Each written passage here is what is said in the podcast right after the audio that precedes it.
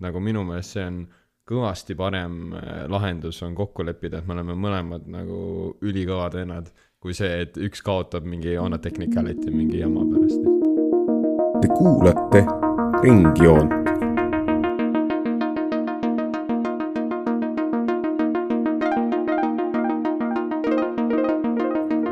joon ringis ilusat õhtupoolikut, kallid Ringjoone kuulajad ja tere tulemast tänasesse saatesse. Oleme siia kokku kogunenud Kene raadiostuudiosse ja mis teeb tänase erilisemaks, on see, et meil on ka kuulajad siin. möödunud suvel olid mitmed rahvusvahelised spordimatšid, kus olid paljud ajaloolised momendid. USA on kaotanud spordis oma õnne ära ja on hoopiski lagedale tulnud uued staarriigid tänases saates lahkame suurimad spordiüritused ja nende peidetud aspekte. mina, Anastasia Poole, olen teie tänane saatejuht, koos minuga on S-ide trio Sten. tere! Ja Siim. tervist! saate monteerija on Saskia, kui tervitame tuleviku Saskiat ja hoopis on täna puldis Anna. tšau! alustame jalgpallis. see aasta võõrustasid naiste jalgpalli maailmameistrivõistlusi nii Austraalia kui ka Uus-Meremaa see aasta ei tulnud jälle jalgpall koju ning Inglismaa kaotas Hispaaniale. kuidas te kommenteerite selle aasta MM-i? minu jaoks oli näiteks üllatus, et Rootsi võitis USA. Jah, et võib tõepoolest öelda, et selle aasta MM oli täis äh, üllatusi. turniiri lõppfaasi, mina loeks lõppfaasiks esimesest play-off voorust edasi noh, ehk siis veerandfinaali, poolfinaali, finaali. kolmanda koha mängu ei saanud ei Kanada, Prantsusmaa ega USA ja juba tõsiasi, et maailmameistriks tuli esimest korda Hispaania, tegelikult näitab, kui üllatusi täis selle aasta mm oli. Mulle jättis ka väga hea mulje korraldajamaa Austraalia, kes pidi poolfinaalis küll Inglismaa kolm-üks paremust tunnistama, tõid seal poolfinaalis väga ilusa värava ka, austraallased siis, ja suutsid seisu isegi kaks-ühe peale tõmmata ja juba tekkis väike lootus, et äkki tuleb teine veel ja läheb lisaajale, aga, aga ikkagi inglased panid kolmanda ära.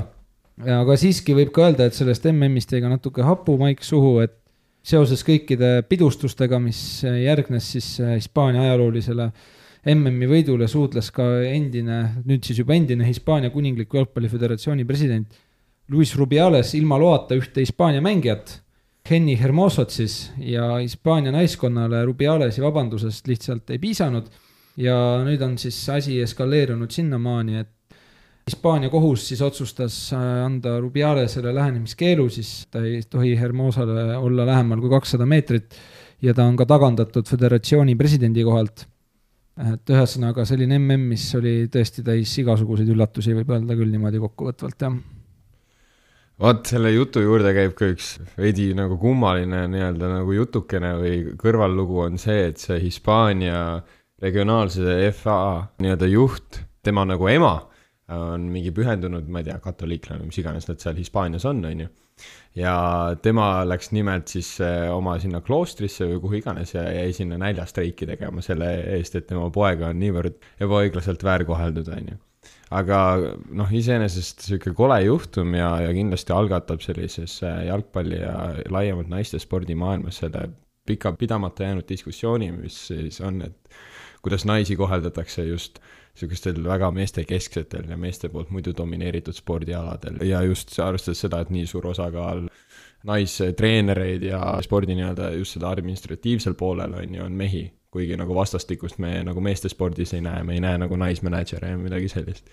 et nagu niisuguste sooliste suhete nii-öelda analüüsi fookuspunktina on, on huvitava juhtumiga tegu ja eks näeb, kas sealt tulevad mingid reaalsed muutused ka või mitte.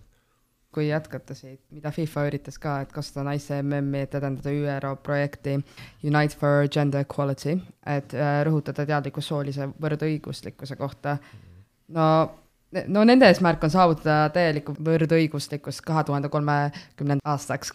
minu arust see ei tundu reaalne ja nagu saavutada sellist nagu võrdõiguslikult just eriti jalgpallis vabandust, siis peaks ka nagu naisjalgpallurid saama sama palju kui Lionel Messi või Cristiano Ronaldo, kuid see ei saaks kunagi võimalik, kuna sponsorid ei toeta seda. et mis teie arvamus on selle projekti eesmärgist? ma arvan, et see on natuke utoopiline. ma isegi ei arva, et see on väga optimistlik, vaid ma arvan, et see on lihtsalt hetkel utoopiline, et need summad, mis äh, praegu meeste jalgpallis liiguvad, ei ole kuidagi võrreldavad. Kuigi äh, peab siin mütsi maha võtma, naiste jalgpall on viimase, ma ütleks, kümne aastaga arenenud ikkagi niivõrd palju, et mina näiteks ütlen ausalt, äh, kui ma olin niisugune kolmeteistaastane klemm, ei teadnud äh, mitte ühtegi naisjalgpallurit, äh, ei olnud vaadanud vist isegi mitte kunagi ühtegi naiste jalgpallimängu, sest noh, neid ei kantud lihtsalt üle. see areng on kindlasti toimunud, see naiste jalgpall on kindlasti palju vaadatum ja populaarsem, aga lihtsalt juba see, kui ajalooliselt populaarsem ja vaadatum on olnud nagu meeste mäng, et kui sa küsid näiteks praegu, ma arvan, tänavalt mingisuguse neljateistaastase Eesti noore käest nimeta, ma ei tea, meesjalgpallureid nii palju, kui sa tead, nimeta naisjalgpallureid, siis ma olen kindel, et noh, meesjalgpallureid nimetatakse, võidakse nimetada sadades ja naisjalgpallureid võib-olla paar tükki. Noh, see lihtsalt näitab, kuivõrd rohkem meeste mängu ikkagi vaadatakse. et noh, peab tõesti kõvasti-kõvasti pingutama, et äh, need üleminekusummad jõuaksid sinna, et need palganumbrid jõuaksid sinna. ma arvan, et selline võrdõiguslikkus, ma ei tea, viiskümmend aastat nagu oleks ka ikkagi suht optimistlik, noh ma ei tea, mina arvan, et võrdõiguslikkus tuleb sporti siis, kui ta tuleb mujale ühiskonda ka, et ega need käivad käsikäes ja need süsteemid peegeldavad ühte-teist, et nagu ega ma ei saa öelda, et nüüd ka kaks tuhat kolmekümnendaks aastaks on naistel ja meestel võrdne seis üldse ühiskonnas, on ju, seega jah, nagu öeldi, utooplik, suht absurdne nagu väljaütlemine. Jah, et, ma arvan, et siin oleneb väga palju ka riikidest, nendest mentaliteetidest ja kõigest sellest ka, on ju mm.. et eh, selles mõttes ma nõustun Steniga, et see võrdõiguslikkus peab siis olema igal pool. et noh, et see oleks nagu lihtsalt ebaloogiline, et spordis on võrdõiguslikkus, aga siis mujal elus ei ole, on ju. et ma miskipärast kaldun arvama, et see enne juhtub Lääne-Euroopas ja siis äh, Aasia moslemiriikides, ma arvan, sellega võib minna palju-palju kauem aega noh, jätame kõne alt välja sellised riigid nagu Afganistan äh,, Iraani Islamivabariik ka praegu nagu, et ma ei, seal nagu üldse ei näe mingit lootust, aga, aga äh, Lääne-Euroopas võib-olla kunagi see aeg tuleb, jah. Tundubki absurdne, nagu muidugi mina kui endise naisjalgpallurina tahaks loota, aga isegi ma ei näe, et see oleks realistlik eesmärk. kui liikuda probleemide juures edasi, siis eksperdid kirjutavad, et selle aasta naiste M seisis silmitsi mitmete probleemidega, et noh, juba mainisime selle Hispaania skandaali, aga oli ka meediaga probleeme. et meediaülekannete õigused Big Five'i jaoks sõlmiti alles kuus nädalat enne võistlusi. et mis probleeme oli veel näiteks naiste MM-is teie silmis? no me võime rääkida Hispaaniast, aga oli ka selline meeskond nagu Haiti, kes sai ka MM-ile, naiste MM-ile. ja nende alaliidu president käis ära ka kõrgemas spordikohtus ta küll mõisteti õigeks, aga kahe tuhande kahekümnendal aastal FIFA eetikakomitee, me räägime siis Yves Jean Barist, kes mõisteti äh, süüdi siis selle FIFA eetikakomitee poolt naismängijate ahistamisega seoses, kusjuures ka alaealistega. ta sai selle komitee järgi eluaegse keelu, aga ta neid süüdistusi omaks ei võtnud, veebruaris kaks tuhat kakskümmend kolm siis äh, maailma spordikohus selle FIFA keelu lükkas ümber, väites, et äh, tunnistajate ja ohvrite avaldustes on ebatäpsusi ja ka selliseid mittekokkulangevusi. ja ühesõnaga siis mõisteti ta õigeks, jah, ta on endiselt Haiti jalgpalliföderatsiooni president, mis on väga, väga huvitav, et meil on üks isik, kes äh, suudles ühte naismängijat, aga samas meil on ka ühest riigist isik, kes on äh, noh, siis väidete kohaselt ka alaealisi nagu ahistanud. et ma, ma ei tea, et see ei jäta mängust väljapoole jäävale sellele, mis toimub siis platsist eemal nagu väga head maiku, et ikkagi see naismängijate ahistamine, nende ka ala maksmine, et äh, enne MM-i tuli ka paljudes naiskondades Prantsusmaal, Kanadas oli ka mängijate seas protesti selle vastu, et nad on nii alarahastatud, nii alatoetatud ka oma alaliitude poolt, näiteks Kanadas äh, protestiti selle vastu, et mehed said oma esimesel MM-i debüüdil palju rohkem äh, toetust just nimelt taustajõu, abi, treenerite, personali osas kui, kui naised. Et need ikkagi varjutasid seda MM-i algusest peale tegelikult sellised äh, ahistamise juhtumid ühelt poolt ja teiselt poolt siis naistemängu alarahastatus ja sellele mitte piisavalt siis tähelepanu pööramine Siim, sa võtsid väga hästi see oli kokku. väga hästi kokku võetud ja nende probleemide kollaaž võib öelda, et naiste jalgpall on päris problemaatiline, selle peale peab hästi palju tööd tegema, mitte just need jalgpallurid ise, vaid need, kes on Just. sellega seotud. Aga enne kui me lõpetame, ma tahan rääkida ka sellest kurikuulsast reklaamist, mida Prantsusmaa välja lasi enne MM-i, nii et need kuulajad, kes ei tea, millest me räägime, siis Prantsusmaa tegi video, kus alguses oli näha, kuidas Mbappe driblab palliga ja, ka vist teised suured olid. Giroud paneb ja peaga pallivõrku ja ütleme niimoodi, et vaatasid peale, täitsa, täitsa Prantsusmaa mehed mängivad jalgpalli, on ju, väga heal tasemel väravad, ilus söödumäng, täpsed senderdused, väga veenev. ja hoopiski selle reklaami puänt oli see, et olid naisjalgpallurid. et seda ei oodanud ja see oli noh, päris noh, päris hästi tehtud reklaam, aga mis teie arvate sellest? mina arvan, et see oli väga hea, see deepfake ikkagi noh, pettis ära. tegelikult, kui ma nüüd teist korda uuesti vaatasin seda reklaami, vot sellise pilguga, et ma juba sain aru, et naised mängivad, siis mis minu meelest tegelikult äh, naiste jalgpallis on kõige suurem probleem, et nad söödud on äh, tihti tipptasemel väga täpsed, väga head senderdused, kokkumäng äh, väga hea, ma arvan, et nagu noh, Eesti parimad naismängijad mängiksid välja võib-olla Eesti liiga alumiste meeskondade taseme täiesti vabalt.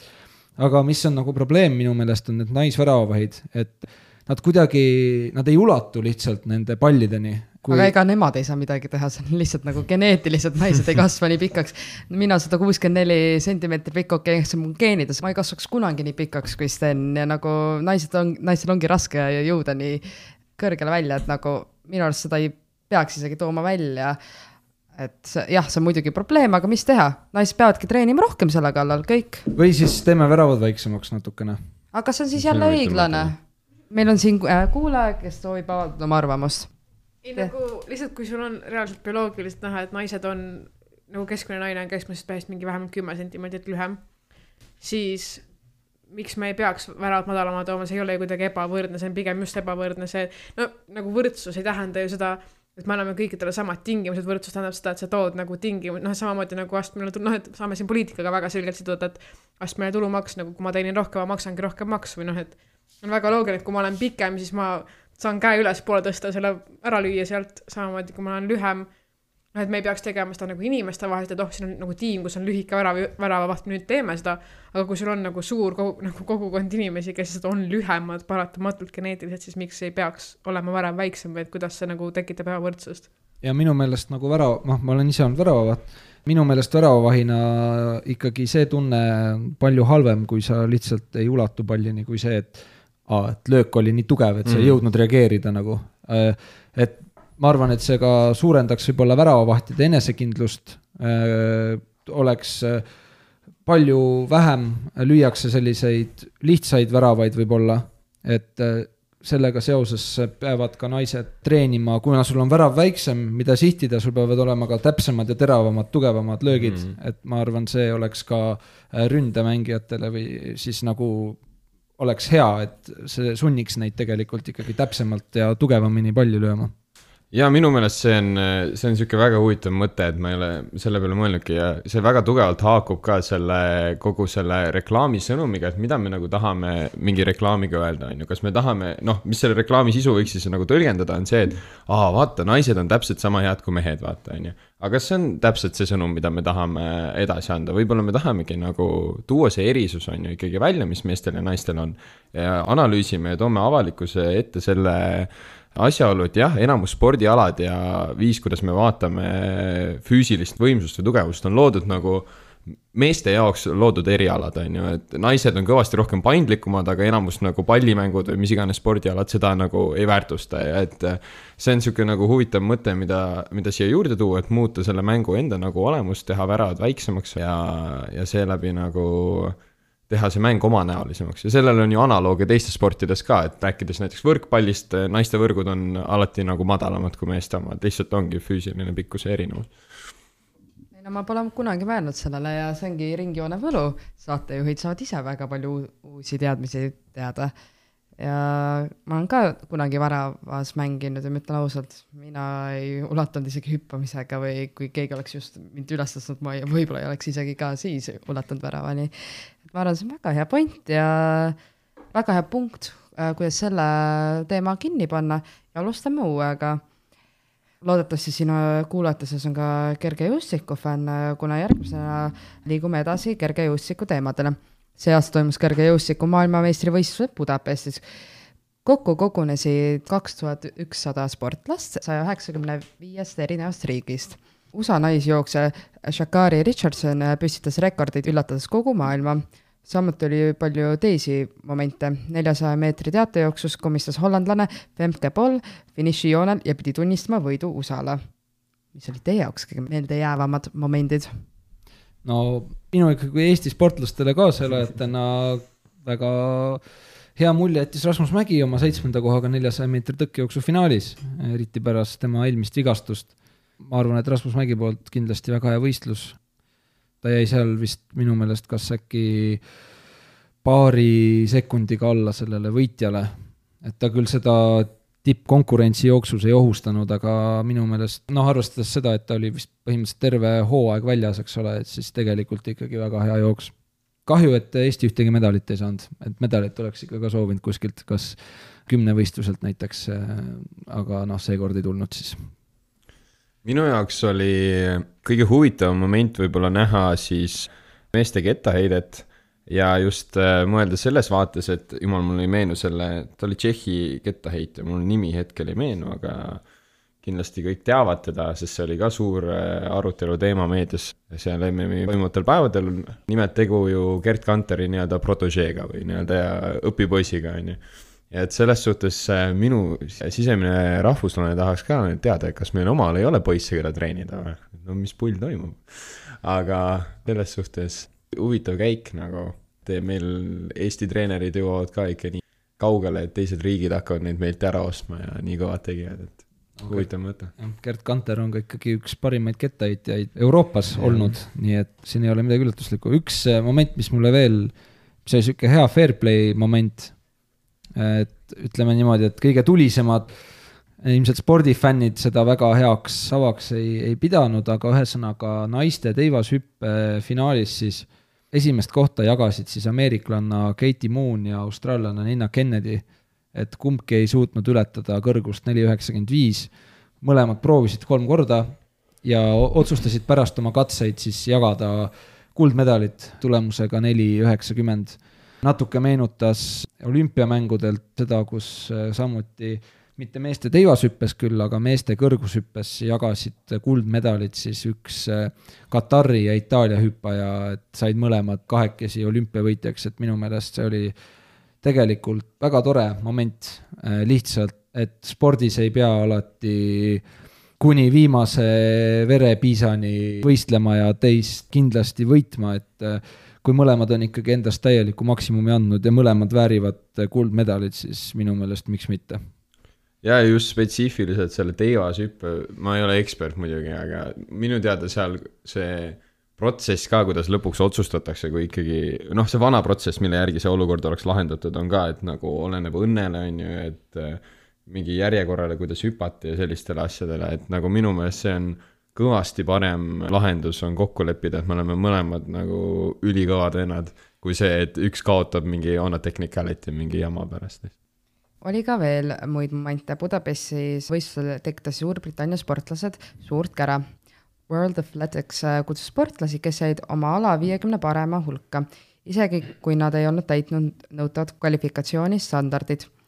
UK Athletics lükkas sportlase nimel kutsed tagasi ja rikkudes rangelt kvalifikatsiooninorme. Briti sportlased tundsid, et neil varastati võimalus ära. mida te arvate, kas Suurbritannia varastas äh, üheksateistkümnelt sportlaselt nii-öelda tähes ära või oli hoopiski millegi muuga tegu? no ütleme niimoodi, et ma arvan, et siit peab ikkagi juhtumipõhiselt vaatama, et üks tõkkejooksja, äh, naistõkkejooksja, äh, Linna Nielsen, tema kvalifitseerimisaeg, ta on kahekümne seitsmes maailmas, mis on tegelikult väga respectable nagu top kolmekümnes olla maailmas on väga okei okay. ja tema kvalifitseerimisaeg, miks teda siis UK Kergejõustikuliidu poolt ei lastud, oli siis null koma null kuus sekundit, mis minu meelest on natuke absurdne, et kui sul on ikkagi kvalifitseerimisnormidele nii lähedane norm ja ta on maailmas top kolmekümnes, siis miks teda mitte lasta ja Suurbritannia ilmselgelt, seal on andekaid sportlasi, võib-olla me räägime mingisugustest väikestest äh, riikidest, kus tõesti nagu ei hakka võib-olla kõiki sinu riigi kolme-viite parimat sportlast nagu välja panema, aga kui nad on ikkagi oma alas, mida nad teevad, ma ütleks top kolmekümnes, top viiekümnes, nad on ikkagi head sportlased ja minu meelest oleks võinud kergejõustikuliit lasta, et see on selline paljudele sportlastele kindlasti mõistan pigem sportlasi ja et osadelt võeti noh ikka väga nõmedatel põhjustel võimalus ära. aitäh, Siim, nende huvitavate spekulatsioonide eest ja ma tahaks kuulda Steni arvamust. miks sa arvad, Suurbritannia takistas oma sportlasi, mina küll ei näe nagu, et sa hoiad võimalusi ära ja nagu nad ei saanudki nii palju medaleid, kui USA näiteks võib-olla oleks siis saanud, kui oleks lasknud need üheksa sportlast. äkki nad ei tahtnud eh, rikkuda oma rahvuslikku mainet, et eh, saata välja nii-öelda neid sportlasi, kes ei pruugi elada nii-öelda UK suurele spordi legacy'le nii-öelda ülesse, nii et võib-olla see on See muud spekulatsiooni. see võib küll olla, sest tegelikult, kui sa saadad okei okay, selle venna, kes on võib-olla maailmas neljakümne üheksas, on ju, sinna võistlema ikkagi nende vastu, kellel on kvalifitseerimisnorm täidetud, kes on tippvormis võistlemiseks, kes on, ma ei tea, selles alas top kümnes, siis ilmselgelt vahe tuleb nagu sisse, et kvalifitseerimisraundidest edasi, ma arvan, enamus nendest sportlastest ei oleks saanud. et see oleks võib-olla lihtsalt olnud siis Suurbritannia kergejõustiku mainele natuke kahjulik, et saadad hästi palju sportlasi ja tegelikult enamus nendest ei saa nagu kvalifitseerimisvoorust läbi, et ma, võib-olla see võis see point siis olla. kindlasti oli ka no rahas kinni, et ei ole nii palju materiaalselt nagu võimalik, kus saata neid inimesi Budapesti. aga no ma arvan, inglasena ma võin öelda, et seems like nothing's coming home.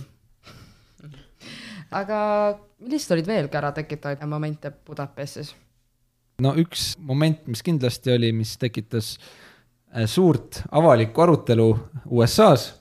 nimelt äh, väga edukalt esines äh, USA jooksja No Lyles, kes võitis kahesaja meetri kuldmedali, saja meetri kuldmedali ja neli korda sada meetrit jaotejooksus ka USA-ga kandis neid põhimõtteliselt. ja siis ta vastas ühele mm, küsimusele pressikonverentsil ja jutt läks NBA peale ja ma nüüd tsiteerin Noah Lylesi konverentsist, ta tegelikult, te võite seda videost vaadata, tema ütleb seda palju elavamalt, kui mina siin stuudios seda praegu ütlen, et see, kuidas tema seda ütles, oli päris elav ja emotsionaalne. aga ühesõnaga, tema ütles You know what hurts me the most is that I have to watch the NBA finals and they have world champion on their head.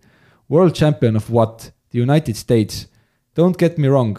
I love the US at times.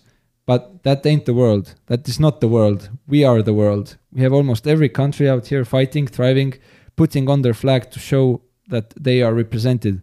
There ain't no flags in the NBA. We gotta do more. We gotta be presented to the world. ja vot selline kommentaar selle kohta, kuidas Ameerika, noh, see oli siin NBA kohta, aga me võime natuke lai-, laiendada, et ameeriklased kipuvad ütlema, et nii pesapallis kui ka Ameerika jalgpallis on nad world champion'id, kui nad võidavad selle tiitli, on ju et see tekitas päris suurt vastukaja, teda kritiseeris Instagramis Kevin Durant, Devin Booker ja Tyler Herro postitas ka oma X platvormile siis äh, Lylesi ütlusi siis kritiseeriva postituse ja ühesõnaga suurt äh, vastukaja tekitanud, aga mida sina, Sten, arvad, kas äh, NBA on õigusega või NFL või MLB või NHL õigusega siis need tiimid, kes selle võistluse võidavad, kas nad saavad öelda, et nad on maailmameistrid? No nende teiste spordialade puhul, mis on väga sellised Ameerika nii-öelda kodukasvatused on ju, mingi Ameerika jalgpall või, või pesapall, nende puhul on üldse nagu imelik see, et sest nagu nii vähesed riigid konkureerivad reaalselt nendes liigades, et see on nagu täiesti absurdne talking point, aga kui me nagu ajalooliselt vaatame, siis NBA on korvpallis noh, tõesti märkimisväärne nagu monument. Ja ma arvan, et äh, selles suhtes siukse keskmise ameeriklase hing on nüüd ka täis saanud selle osas, et nagu rahvusvahelisel areenil nagu on ameeriklased jätkusuutlikult tappa saanud erinevatel spordialadel ja, ja just korvpallis vaata, on ju. et ma arvan, et siin äh, järgmine, mis siis järgmisena tuleb, M, MM või, või äh, olümpia, olümpia on vist jah, olümpia on järgmine. ma arvan, et olümpial paneb Ameerika võib-olla tõesti välja mingisuguse siukse noh, rohkem staare ja siukseid suuri nimesid sisaldava meeskonna, et see on sihuke nagu praktiline eksam siis tuleb selle jaoks, et eh, mis saab, on ju. Ja, no kui sellisel areenil siis sakslased või, või kes iganes, Serbia oli vist te, te, jäi teiseks, kui ma ei eksi, teevad ameeriklastele ära, vot see, siis oleks nagu tõesti juba väärt seisukoht, mida kaitsta ja tagasi vaadata sellele ja ja hakata tõsiseid nagu järeldusi tegema. Ja siis veel huvitav, India edu kergejõustikus, India ei ole kunagi olnud väga kergejõustikuriik, aga nende meeskond neli korda neljasaja meetri teatejooksus sai finaali, purustasid Aasia rekordi. keda huvitab, siis uus Aasia rekord nüüd eh, neli korda nelisada meetri meeste teatejooksus on kaks eh, minutit viiskümmend kaheksa sekundit nelikümmend seitse sajandikku. ja India odaviskaja ja olümpiavõitja Netaj Chopra tegi ka ajalugu, olles siis esimene Indiast pärit indialane, kes on siis võitnud kergejõustiku MM-i kulla odaviskes. et Magnus Kirt ei võistelnud, siin saab nüüd spekuleerida teemal, kas Magnus Kirt, kui ta oleks olnud tippvormis, kas tema oleks saanud Choprale vastu. ei noh, Magnus Kirt oleks kindlalt võitnud, see, ma arvan, seal pole küsimuski, et see on tegelikult valesti antud kuld ja küll me tõestame ennast järgmine olümpiamängude ajal. no Pariisis näeme, aga ma arvan, liigume siis edasi, mis on korra juba mainitud, korvpalli maailmameistrivõistlused. See aasta toimusid siis äh, Filipiinidel, Jaapanis ja Indoneesias need meistrivõistlused, kus osalesid kolmkümmend kaks erinevat tiimi. meie lähinaaber Leedu üllatas kogu maailma ja tõestas kõigile ennast võites USA, jälle USA puu siiski ei jäänud suurimaks üllatuseks MM-i ingelises finaalmängus saavutas Saksamaa ajaloolise momendi, võitis esimest korda korvpalli MM-i. Nad võitsid Serbiaga finaalis ja lõpptulemus oli Saksamaa kasuks kaheksakümmend kolm, seitsekümmend seitse. missugused on teie mõtted möödunud korvpalli MM-ist? no võib öelda, et taaskord nagu ka naiste jalgpalli MM-is, siis favoriit USA ei saanud isegi kolmandat kohta. kolmanda koha võitis Kanada, võites siis USA-d äh, kolmanda koha mängus ja esimest korda kaheksakümne seitsme aasta jooksul said siis medali korvpalli MM-il, et äh, väga suur saavutus. ja hea meel on ka lätlaste üle, kes suutsid turniiri lõpetada väga heal viiendal kohal, kusjuures nad võitsid viienda koha mängus Leedut, mis on äh, väga kõva saavutus, teades, et Leedu võitis USA-d. nii et lätlaste ees müts maha. ka eelmise MM-i võitja Hispaania ei saanud eriti kõrgele kohale, lõpetati üheksandana, mis on, ma arvan, ka Hispaania poolt ikkagi pigem nõrk esitus, neil on väga häid mängijaid Pau Gasol näiteks äh, ja siis ka tema vend, kes mängivad äh, NBA tasemel või Pau Gasol on mänginud NBA tasemel pikka aega. et ühesõnaga hea meeskond tegelikult, oleksid võinud äh, saavutada ka rohkem. aga seekord siis jah, Euroopa tiimid äh, domineerisid. jah, tõesti hea on näha, et siuksed eriti meile lähedased väikeriigid teevad häid tulemusi, on ju, et Leedus on teatavasti olemaski sihuke programm, kus nad panevad pikkasid inimesi kokku ja ja ootavad nendelt ja noh, kohe varakult äh, korvpallitrenni ka, et sihuke rahvussport nii-öelda. okei, päris nii hull vist ei ole, aga, aga kuidagi on ta seal äh, saanud isegi tugevamalt nagu osaks äh, kultuurist kui, kui nagu Eestis, sest nagu mõneti ma ei tea, Eestis tunnetatakse ka korvpalli kui sihuke tugevalt nagu nõukogude perioodiga seotud äh, spordiala, et, et nüüd Eestis äh, lähiaastatel peale iseseisvumist, ma arvan, on jalgpall sihuke tugevama koha omale või, võidelnud Eesti ühiskonnas, et, et korvpall ma ei tea, ma ütleks, jääb rohkem minu isa generatsiooni siukseks põhifännamiseks, on ju, aga huvitav, et Leedus sellist fenomeni nagu ei ole näha, aga aga ma, ma arvan, et äh, korvpall kindlasti Eestis ka on ikkagi paremuse poole teel, et, et loodame, et näeme ka varsti sarnaseid tulemusi nagu leedukad ja lätlased. ei no me näeme päris palju Eesti korvpallureid, kes mängivad rahvusvahelisel maastikul, näiteks Henri Trello, mis kõige tuntum nimi, aga Sander Raieste näeb päris mitmetel artiklitel Gerg Riisa, ja no neid on veel paljudel, need on lihtsalt esimesed, kes tulid mulle kohe pähe. aga kui liikuda tagasi USA juurde, USA no noh, peame tunnistama, nad on profid väga mitmel äh, spordialal. ka olümpial näeb alati nende kätes äh, kuldmedaleid. aga on ka tuntud ju just noh, ma arvan ka NBA pärast, et nad peaksid olema korvpalliässadariga, aga mis nüüd juhtus, et noh, et isegi ei saanud esikolmikusse ja mis nüüd edasi saab, kas hoopiski mingi Euroopa riik võtab äh, korvpalliässade riigi tiitli üle? USA ei ole ka viimast MM-i võitnud, võib-olla see natuke näitab, kuidas USA suht-, suhtub jah. äh, korvpalli maailmameistrivõistlustesse. Nad ei saada oma parimaid meeskondi sinna minu meelest mm, Mhm. -hmm. nad ei ole saatnudki kunagi oma parimaid mängijaid. olümpiamängudele saadetakse üldiselt staarid kohale mm Mhm. -hmm. või mingi, mitte kõik staarid, aga mingi valik staare. ka see on ka mitmeid põhjuseid, miks see seekord nii läks. Paljud mängijad eelistavad hoopis eh, NBA mängijad siis eelseisvaks hooajaks valmistuda, selle asemel, et minna mängima MM-i, riskida mingi vigastusega, mis võiks mm nad hooajaks tegelikult välja jätta. ja teised riigid on ka korvpallis järgi tulnud. seda näitab ilmekalt näiteks see, et NBA MVP auhinna, kes on siis most valuable player või siis kõige kasulikum mängija, eks ole, et viimased viis võitjat on sündinud Ühendriikidest tegelikult väljaspool. ja FIBA reeglid on ka veidi erinevad kui NBA omad, et äh, väljak on väiksem, lühemad mängud, kümme minutit veerandaeg, ründekell on pikem, aga ma ei arva, et Euroopa tiimid hakkavad domineerima, kui USA saab kokku oma parima meeskonna, aga ei saa enam öelda seda, et USA on pika puuga kõigist ees, isegi kui nad komplekteerivad mingi, mingisuguse NBA pingisoojendajate meeskonna.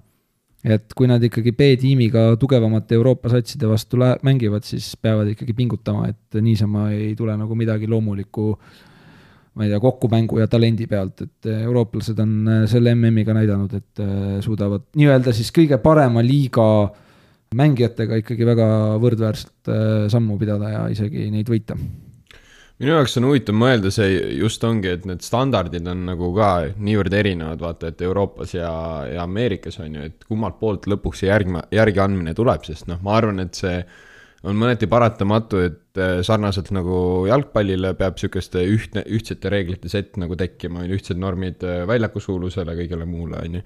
ja et kas see tuleb selle arvelt, et nagu ameeriklased annavad järgi või muu maailm nii-öelda, on ju, et äh, tahaks ju loota, et ikkagi ameeriklased siis, ma ei tea, annavad järgi ja nagu liituvad sellega nagu analoogne näide oleks siis MLS, kus siis nendel olid pikalt hoopis teistsugused näiteks, ma ei tea, penaltite löömissüsteemid, on ju aga, aga lõpuks ikkagi tuldi nii-öelda sihukesesse Euroopa mudeli peale.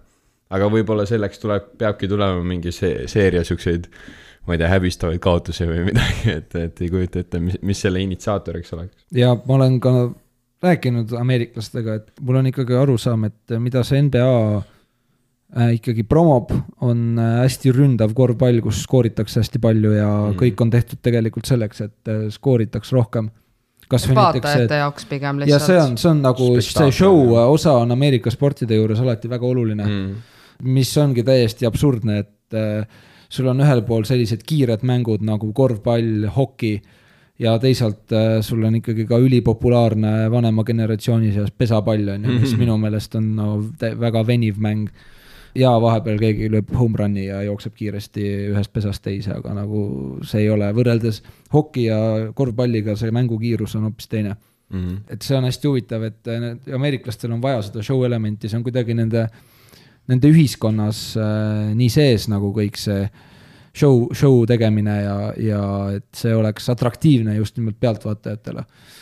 sellepärast ei ole mingit tsoonikaitset NBA-s, ainult mees mehele kaitse. et noh, seal on, see on tehtud, kõik on tehtud selleks, et äh, inimesed vaataksid, võimalikult palju saaks äh, näidata ka oma reklaame, eks ole Mm mm., sul oleks võimalik lai audients, et oma tooteid müüa ja nii edasi. et äh, ikkagi profit-based äh, ja viewer-based äh, experience on hästi oluline nagu, see on see, mis mina olen aru saanud. aga kui astuda korvpalli tulevikku, siis järgmised meistrivõistlused toimuvad Kataris. Nii palju inimõigusvastaseid tegevusi toimus eelnevalt jalka MM-ile, nüüd ometi toimub jälle rahvusvaheline suurvõistlus seal. no see küll äh, avalikustati eelmine aasta aprillis, aga see ei ole juhuslikult, et jälle toimub mingi suurvõistlus seal. ja Katari on isegi hakatud meedias nimetama oma piirkonna powerhouse'iks spordis. mis on teie arvamus, et kui me jätkame samal lainil, siis ometi jätab halva äh, maitse suhu suurte spordiürituses, et neid korraldatakse äh, riikides, kus toimub nii häbiväärseid tegevusi jah, aga eks see ole tõsiasi, et suurvõistluste korraldamine on rahakulukas, riigile suur väljaminek. et neid võistlusi tegelikult saavad korraldada riigid, kellel on piisavalt raha, kellel on olemas see infra juba eelnevalt. et nad saavad niisugust asja üldse, nad saavad vastu võtta kõiki neid meeskondi, kõiki neid fänne. ja samuti on ka alaliitude soov ikkagi oma sporti võimalikult laialt eksponeerida maailmas et me võime siin mängida omavahel, teha neid MM-e, eks ole, Euroopas, Ameerikas, aga millest, mida me sellest võidame, et siin on niikuinii see sport juba ülipopulaarne, et siin ei ole mingit tulevikuturgu, mida vallutada. et samamoodi selle aasta MM äh, korvpallis äh, valikus oli ka Argentiina ja Uruguay, neid ei valitud, valiti Indoneesia, Jaapan ja ja Filipiinid, Indoneesia, Jaapan, ja Filipiinid, mis äh, minu jaoks äh, Indoneesia isegi ei saanud äh, MM-il ju mängida, sellepärast et nad ei kvalifitseerunud sellele turniirile. ja, ja seda, et öelda nüüd, et Katar oleks oma spordis powerhouse, oma regiooni spordi powerhouse, jah, mingitel spordialadel, aga kui me vaatame korvpallis, siis hetkel on ta FIBA rankingu järgi edetabelis saja, saja neljas. täna, tänase seisuga. Neil on küll hea kergejõustiklane Mutas Essa Brashim, kes on see kõrgushüppaja, kellest ma rääkisin, kes äh, jagab siis äh, itaallasega äh, seda olümpiavõitu kahe tuhande kahekümnendast aastast.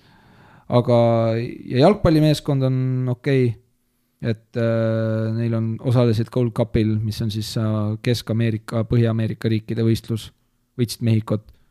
aga ma arvan, et jah, et me elame muutuste ajastul, kõigile see kindlasti ei meeldi, aga ma kahjuks arvan, et peame sellega leppima, et selle, sellistes riikides mängude korraldamine ühelt poolt riigile saavad seda endale lubada, teiselt poolt äh, saab seda spordiala eksportida väljapoole Euroopat ja Ameerikat. ma arvan ka, et äh, selline nüüd, nüüdse aja sihuke suur fruvoor, mis on selle ümber tekkinud, on natukene ikkagi üle paisatud, et nii-öelda see termin sellele vist õige on sports washing on ju, mis siis äh, äh, mida siis nii-öelda võib väita, et Katar teeb, on ju, ehk siis, et kasutab sporti ära, et parandada oma imagot nii-öelda rahvusvahelisel tasandil.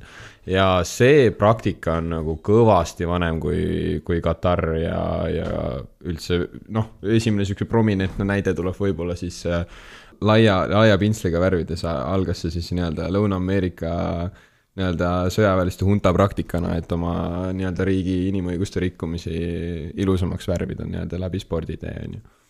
ja, ja sealt edasi ta on kestnud ka, on ju, ega ma, ma arvan, et äh, just Katari osas sellist, mis, mis oli siis jalka MM-i ümber hästi palju keerles see suur äh, boikottimine ja selline re- reaktsioon on, on äh, natukene tuleb ka sellest võõravihast ikkagi võib-olla siuksest natuke xenofoobsest suhtumisest, mis on sihuke nine eleveni järgse maailma võib-olla natukene omadus on ju, aga aga ma ei, ma ei ütle, no muidugi ta ei ole positiivne suund spordile, et me ju tahaks näha ikkagi, et demokraatlikud riigid esindavad nii-öelda kõige kõrgemalt äh, lehvivamalt neid äh, lippe, sport kui sümbol, ma ei tea, vendlusele, võrdsusele, vabadusele, mis iganes, on ju.